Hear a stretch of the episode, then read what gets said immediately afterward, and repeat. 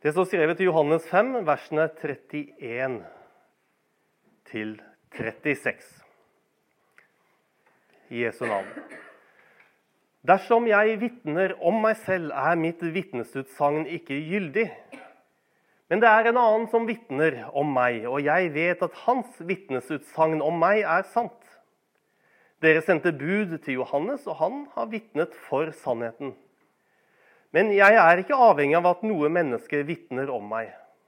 Dette sier jeg for at dere skal bli frelst. Johannes var en brennende og skinnende lampe, og for en tid ville dere glede dere i lyset fra ham. Men jeg har et sterkere vitnesutsagn enn det Johannes ga. De gjerningene far har gitt meg å fullføre. Og det er disse gjerningene jeg gjør, som vitner om at far har sendt meg. Slik lyder Guds ord. Jesus han sier, 'Gjerningene jeg gjør, som vitner om at far har sendt meg.' Det er gjerningene jeg gjør, som vitner om at far har sendt meg. Jødene de, de ville, men de kunne ikke anklage Jesus for noe. De prøvde gang på gang. Han bryter sabbaten, han har gjort det, og osv. osv. De prøvde å finne noe å ta Jesus på. Men de kunne ikke. Bortsett fra én ting som de kunne ta han på, og det var blasfemi. For han sa han var Guds sønn og gjorde seg dermed Gud lik. Det var bare ett problem. Og det var at gjerningene Jesus gjorde, vitnet om ham. At det han sa, var sant. Har dere lest eh, Narnia-bøkene eller sett filmene? Er det noen som har gjort det? Ja, flott. Eh, forfatteren C.S. Lewis han var en ikke-troende da han begynte å undersøke Jesus eh, nærmere. Han kom fram til at enten måtte Jesus være den største løgneren og bedrageren som noen gang har vært, og derfor ikke så rart at jødene ville drepe ham. Eller så måtte det han sa, være sant. Dette her er jo selvfølgelig da et trosspørsmål. Så hva gjorde Jesus som er et så sterkt vitnesbyrd at selv intelligente skeptikere blir troende? Nesten 2000 år senere. I Johannes evangeliet kommer vår tekst rett etter helbredelsen av den lamme ved Betesta dam. Og da ble det jo selvfølgelig et stort stort opp, eh, oppstyr rundt det, siden det var feil dag å helbrede på. For man helbreder jo ikke på en lørdag, må vite, altså sabbaten. Og Før det igjen så hadde han helbredet sønnen til en kongelig embetsmann i Kana i Galilea. Og på vei dit hadde han en merkelig, men en profetisk samtale med en samaritansk kvinne. Tidligere hadde han vært sammen med disiplene og sett dem døpe i Judea. Det var etter en meget berømt samtale, nemlig praten han hadde om natten med Nikodemus. Der han sa at man må bli født på ny av vann og ånd for å komme inn i Guds rike. Det er kanskje ikke så rart at fariseeren Nikodemus oppsøkte Jesus etter å ha sett de tegnene han gjorde i Jerusalem under påskefesten. Eller da han gjorde vann til vin i bryllupet i Kana. Kanskje hadde Nikodemus også hørt rykte om at Jesus hadde sett Natanael der han satt under fikentreet og profetert over ham. Og da han hadde kalt sine første disipler på en meget merksnodig måte. Og Alt dette som jeg har fortalt om nå, det skjedde mellom vår tekst i Johannes 5 og da Jesus var blitt døpt av Johannes, og Johannes hadde pekt på Jesus og sagt, 'Se Guds lam'. Nikodemus i motsetning til jødene ellers, han anerkjenner Jesus ved å si, 'Rabbi, vi vet at du er en lærer som er kommet fra Gud.' For ingen kan gjøre de tegnene du gjør, uten at Gud er med ham. Han hadde skjønt det, han. Som sagt, I motsetning til jødene i vår tekst, hvor det står etter dette var jødene enda mer oppsatt på å få ham drept. For ikke bare brøt han sabbaten, men han kalte også Gud sin egen far og gjorde seg selv lik Gud. Men gjerningene Jesus gjorde, vitnet altså for ham. Bergprekenen vet dere eh, ikke er nedskrevet i Johannes evangeliet. Men i Matteus så ligger den i begynnelsen av Jesu offentlige virke. Det er altså sannsynlig at forkynnelsen fra herifra hentet, har preget hans videre virke.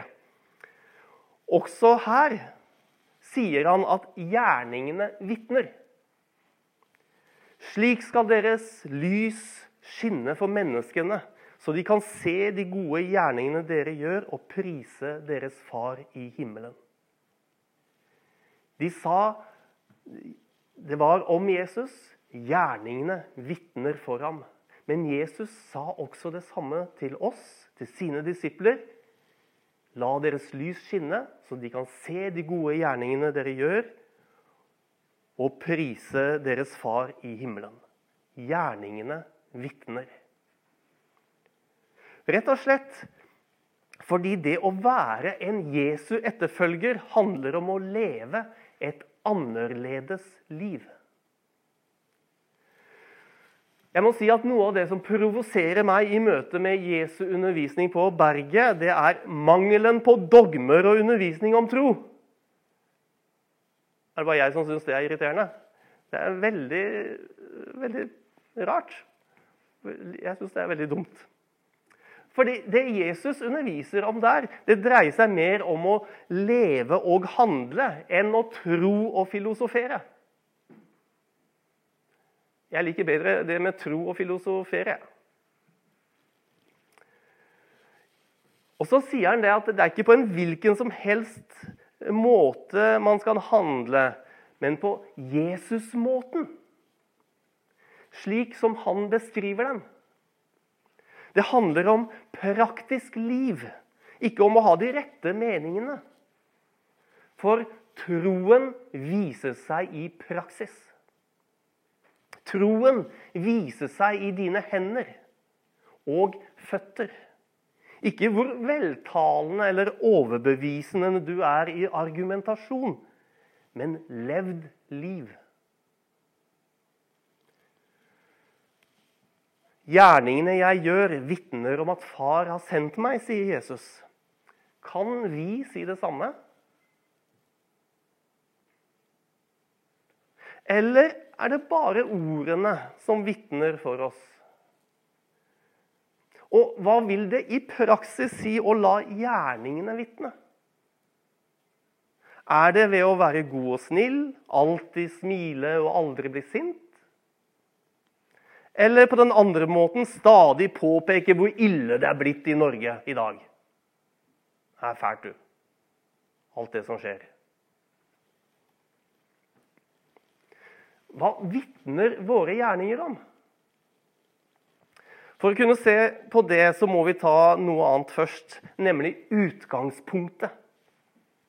For hva er vårt utgangspunkt? Grunnen for at vi gjør som vi gjør og tenker som vi tenker. Hvem er sentrum i ditt liv? Kretser livet ditt rundt Jesus? Eller er det Jesus som kretser rundt livet ditt? Det gjør hele forskjellen. Bergprekenen, som er så radikal, og som beskriver livet i Guds rike, det har et viktig utgangspunkt. Ikke disiplene som fikk undervisningen. Heller ikke folkemengden som Jesus trakk seg unna. Men Jesus selv. Disiplene oppsøkte ham samlet seg rundt ham, var oppmerksomme på ham og lydhøre til hans ord. Når utgangspunktet blir riktig, blir også byggverket riktig. Jesus fortalte en lignelse om to personer som bygget hus. Alt er likt. Begge hører ordet. Begge to får seg et fint hus. Begge opplever storm og uvær. Likevel er det bare det ene huset som blir stående. Hvorfor det? Fordi det var kun det huset som ble bygget av en som ikke var fornøyd med å bare høre, men som også valgte å gjøre det ordet sier. Og dermed sto huset fjellstøtt.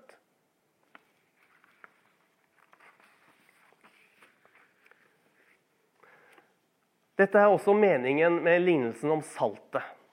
Salt er eh, tydelig. Det kan lett merkes og skilles fra alle andre mineraler. Det har tusenvis av ulike positive bruksområder og virkninger.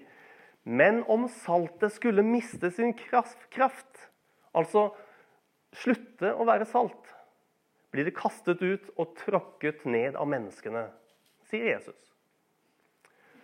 Og jeg har hørt så mange ganger at det er ingen forskjell på en kristen og en ikke-troende.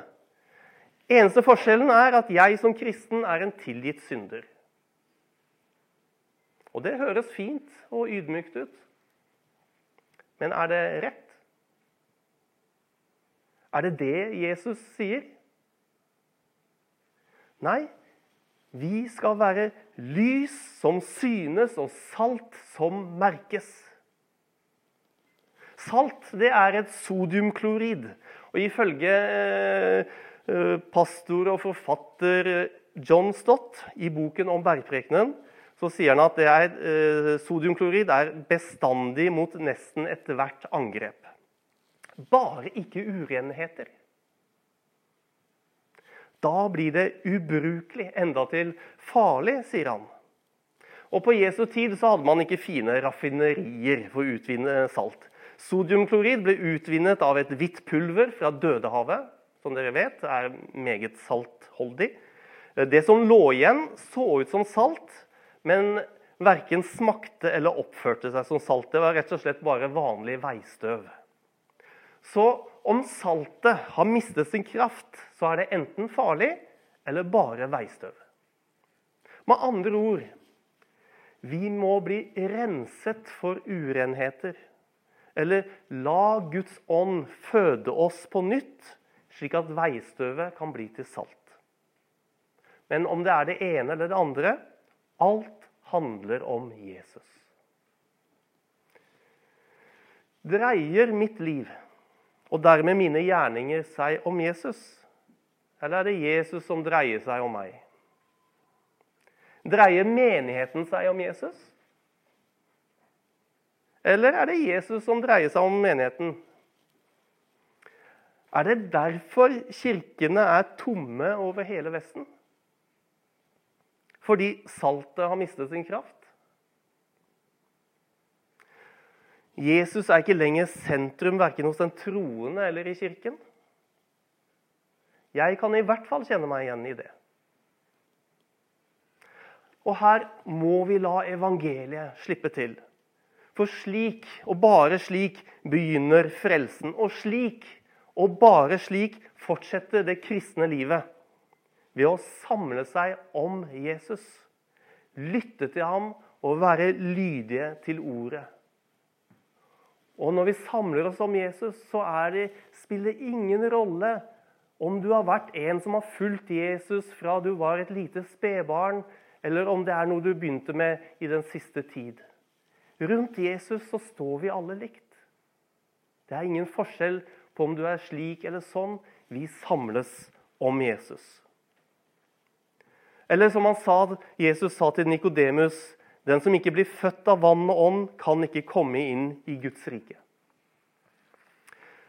Og så, Jeg henviste en del til samtalen med Nikodemus her. og I avslutningen i, i denne samtalen så sier Jesus for den som gjør det onde, hater lyset og kommer ikke til lyset, for at hans gjerninger ikke skal bli avslørt. Men den som følger sannheten, kommer til lyset, så det skal bli klart at hans gjerninger er gjort i Gud.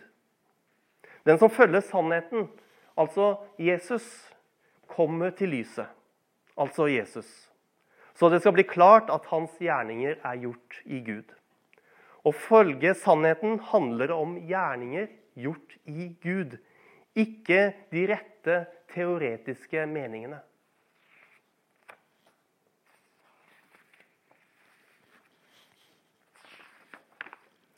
Eller som Paulus sier det i Efeserne 2,10.: For vi er Hans verk, skapt i Kristus Jesus til gode gjerninger. Som Gud på forhånd har lagt ferdige for at vi skal vandre i dem. De gode gjerningene skal ikke unngås, men de skal vandres i. De skal leves ut.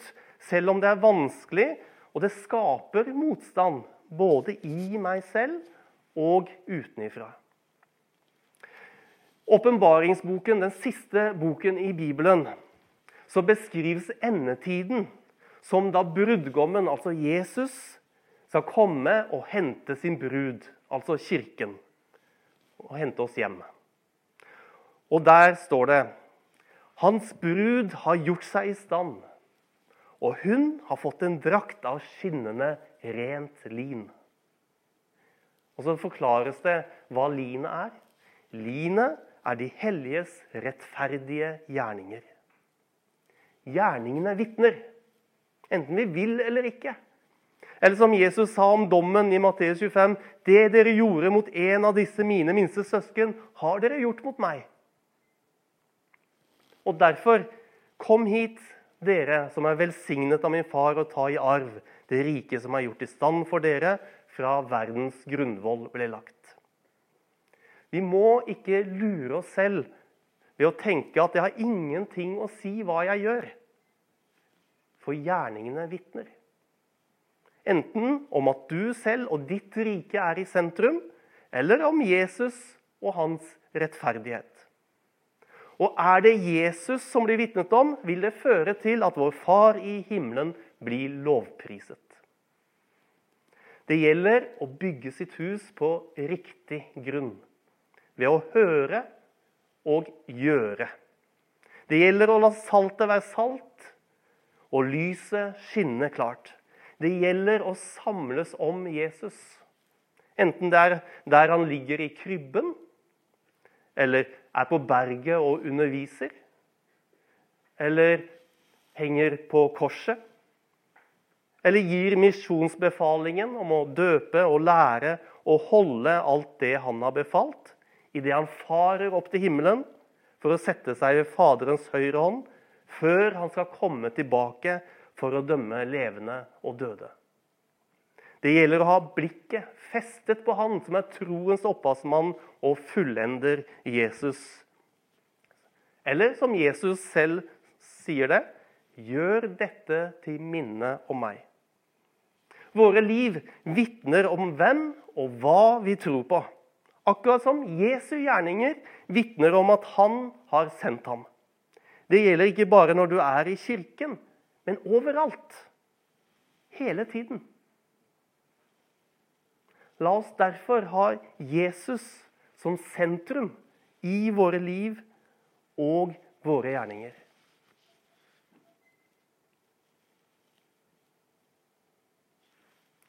Himmelske Far, Ditt ord er sannhet. Hellige oss i sannhet.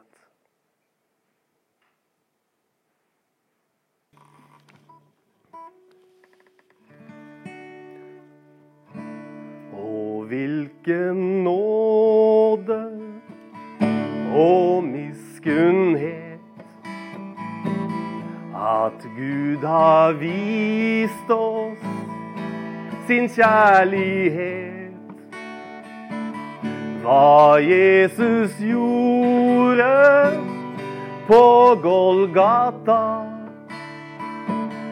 Det ble for verden et evig ja.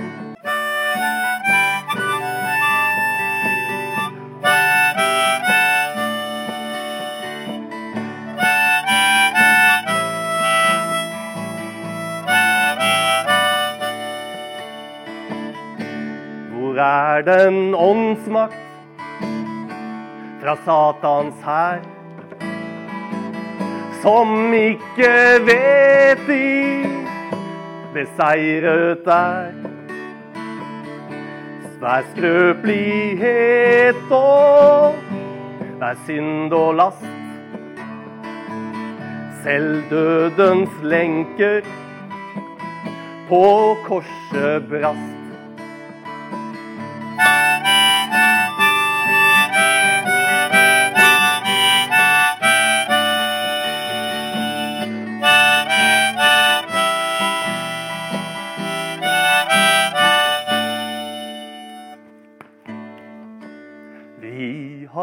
Har lenger betesta dam.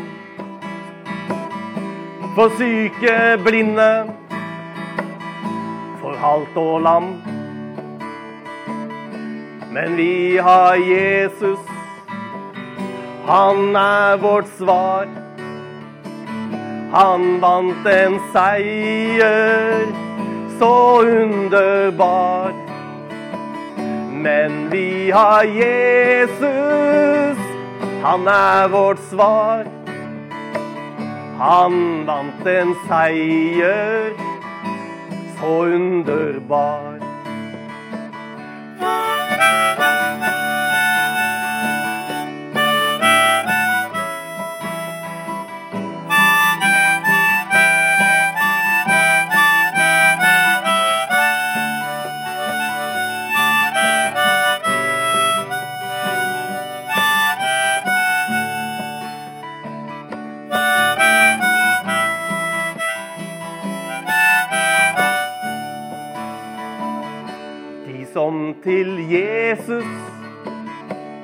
Seg vender om,